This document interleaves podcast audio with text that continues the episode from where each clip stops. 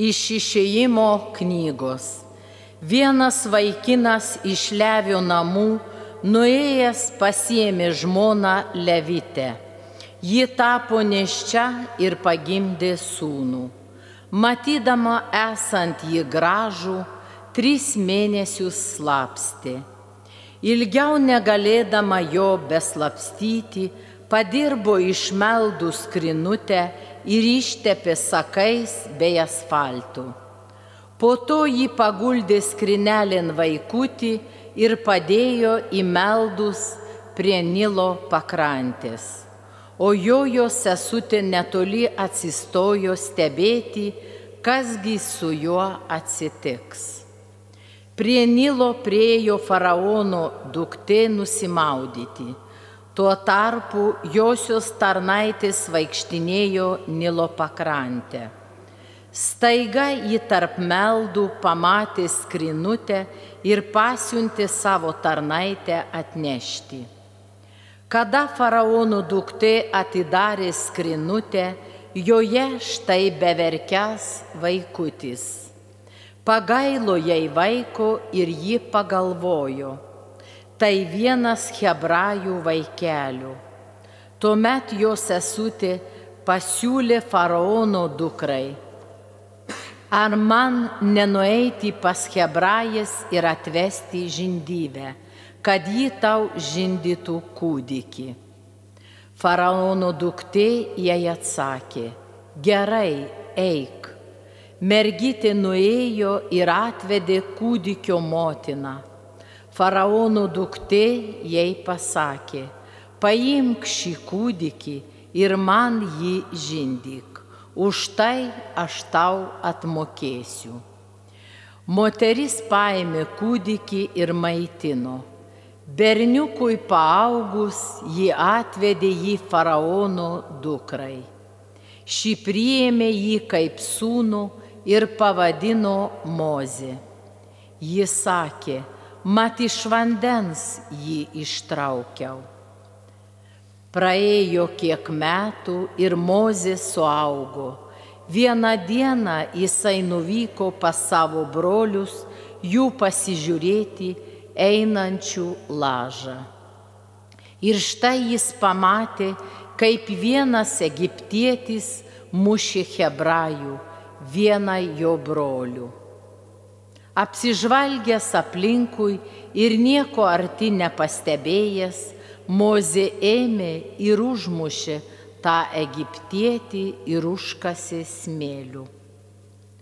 Kita diena jis vėl ten nuėjo ir štai tarp savęs besivaidyja du hebrajai. Vieną, kuris buvo neteisus, jis paklausė, kodėl muši savo gentainį tasai atkirto, o kas paskyrė tave vyresniuoju ir mūsų teisėjų. Gal nori užmušti taip pat ir mane, kaip esi egiptietį užmušęs. Tada išsigando Mozė. Jis tarė savo vienas, vadinasi, reikalas tapo jau viešas. Apie tai išgirdo ir faraonas, ir norėjo Mozę nužudyti, bet Mozė nuo jo pabėgo. Tai Dievo žodis.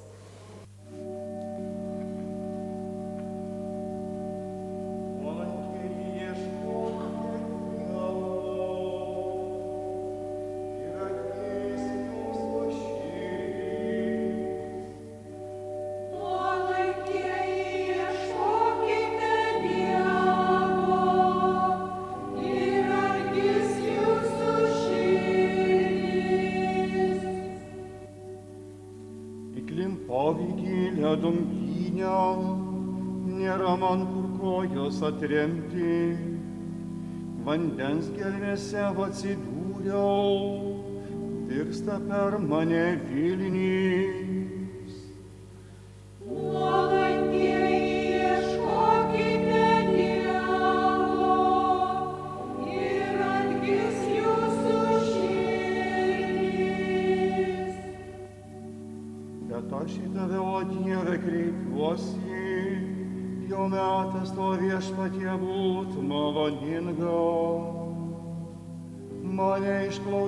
Nes tu didžiai geras, teikiantis ištikimas savo pagalbą. Nuolankieji ieškokite Dievo ir atgis jūsų širdis. Mane kenčianti ir nelaiminga, globok ir gelbėkit Dieve. Šlovinsiu giesmę aš Dievo vardą ir aukštinsiu jį dėkingai.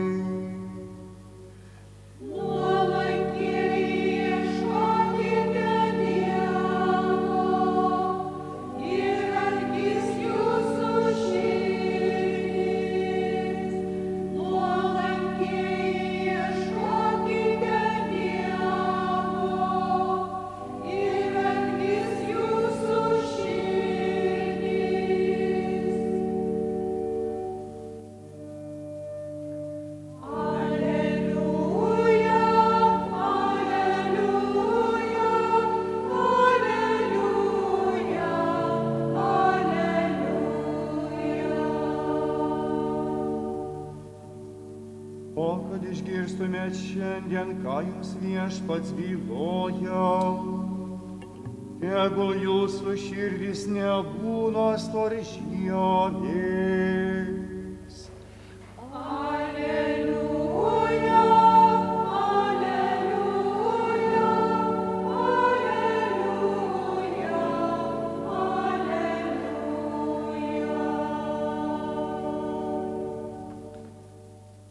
Viešpat su jumis. Iš Šventojios Evangelijos pagal Matą. Jėzus ėmė priekaištauti miestams, kuriuose buvo pada- padaryta daugumas jo stebuklų, kad jie neatsivertė. Vargas tau Horazinė, vargas tau Betsaida. Jeigu Tyre ir Sidone būtų įvykę tokie stebuklai, kokie padaryti pas jūs, jie seniai būtų atsivertę ir apsirengę atgailos maišais bei pasibarstę pelenais. Todėlgi sakau jums, Tyrui ir Sidonui bus lengviau teismo diena negu jums. Ir tu, Kafarnaume, negi būsi išaukštintas iki dangaus, tu nugarmėsi iki pragaro. Jeigu Sodomoje būtų įvykę tokie stebuklai, kokie įvyko tavyje, ji būtų išlikusi iki šios dienos. Todėl sakau jums, Sodomos žemėje bus lengviau teismo diena negu tau. Tai viešpatie žodis. Evangelijos žodžiai te panaikina mūsų klaidas. Brolis seserys Kristuje, šiandien girdime, kaip Jėzus Evangelijoje ėmė priekaištauti miestams, kuriuose jis buvo padaręs daugiausia stebuklų. Kodėl priekaištauja? Nes jie neatsivertė. Iš tikro, Dievas niekada nesikiša, kad padarytų kokį nors šau, bet visada ir tik tam, kad žmogų išgelbėtų. Stebuklais, kuriuos e, Dievas daro, yra siekiama palaikyti tikėjimą. Tai pasakyta apie, apie Evangelijose visus aprašytus stebuklus ir apie tuos, prie kurių dėja jau pripratome, nes jie mums kasdien yra prieš akis. Kokie stebuklai pas mūsų gyvenimuose yra prieš akis. Žiūrėkime į gamtą. Kai iš mažos sėklelės išdyksta gėlė, galbūt pralauždama asfalto kietumą iki rasos lašo, kuriame atsispindi saulės spinduliai. Pažvelkime į vaiką. kuris atsiveria gyvenimui. Į tą tokį gamtos kodą įrašyti stebuklai, kurie nedviprasmiškai kalba apie kitą, kuris yra grožis, tvarka, gale, bet kuris visų pirma yra meilė - Dievas. Dar yra tie malonės stebuklai, sakramentai, kurie mus veikia taip, kad jie pakilėja mus į dieviškumo sritį. Ir prie kurių taip dažnai mes prieiname per nelik paviršutiniškai, iš įpročių. Žiūrėkime, užtenka pagalvoti apie Eucharistijos stebuklą, apie tą duoną, kurią dabar galiu laikyti savo rankose. Ir kuri yra Dievo sunus, tai yra pats Dievas, iš meilės dėl manęs taip nusižeminęs. Žmogus sudrebėtų iš šventos baimės džiaugsmo drebėjimu.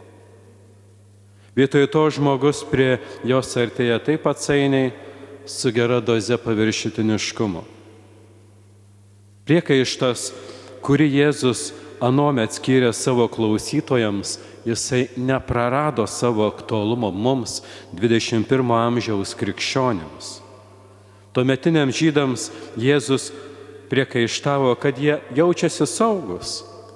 Kodėl? Nes jie vadino save Abromo vaikais.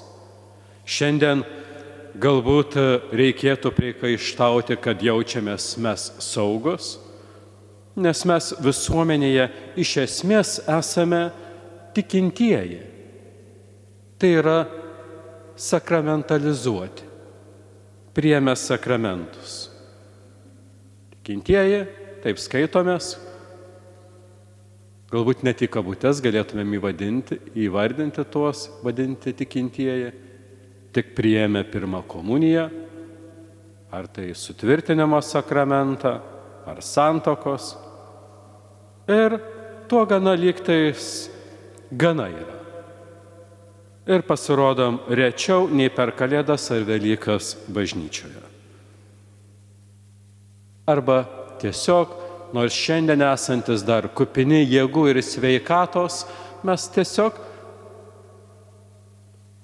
sakramentus žiūrime per televizijos ekranuose. Nebeiname į bažnyčią. Tiesiog, nors jėgos leidžia, sveikata leidžia, galimybių yra, bet mes liekame prie tokio sakramentinio gyvenimo. Mes turime iš tikrųjų nepamiršti, broliai seserys, kad sakramentas netleidžia mūsų nuo pareigos nuolat atsiversti. Nes niekada iki galo mes nebūsime tokie, kokie turime būti. Tobuli, kaip tobulas yra mūsų tėvas, kuris yra danguje. Ką reiškia šiandien ir tas atsiversti? Atsiversti, apie kurį kalba ir Jėzus Evangelijoje šiandien.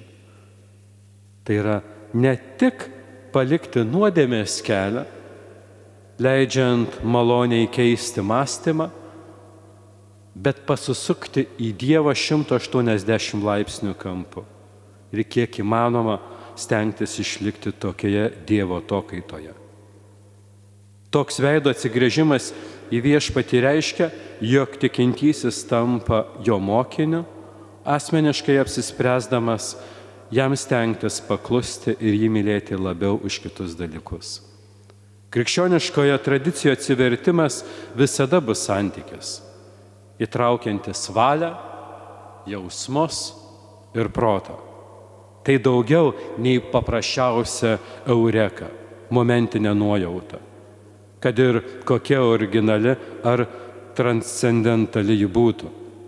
Pasak tėvo Pedro Rupės, atsivertimas ne tik padaro mus pajėgius įsimylėti, bet ir padeda tokiems išlikti. O tai leidžia meiliai tapti mūsų būties prasme. Tokia atsivertimo patirtis netriboja mūsų nuo pasaulio, bet atveria naują būdą kaip jame gyventi daug intensyviau ir su didesniu dėkingumu. Atsivertimo realumas įkūnyjamas gyvenimo aplinkybėse.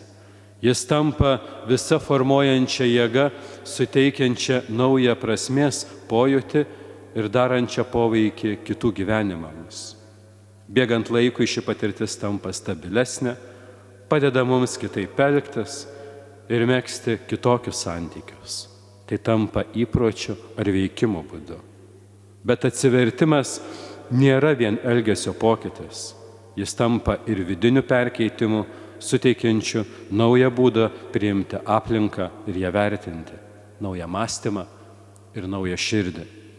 Tad atsivertimas ne tik keičia esamą aplinką, bet gali ir naujai ją kurti, aplinkinius kviesdamas pokyčiams savo gyvenime bei bendruomenėse ir taip tapdamas malonę visiems. Tad stenkimės kitomis akimis pažvelgti į natūralią ir ant gamtinę tikrovę, kurioje gyvenu. Ir tegul suteikia mūsų viešpats šties tą gilų, prasmingą, kontemplatyvų žvilgsnį, tikėjimo žvilgsnį, gebantį stebėtis ir džiaugtis dėl jo meilės sukurtais stebuklais kiekvienam iš mūsų.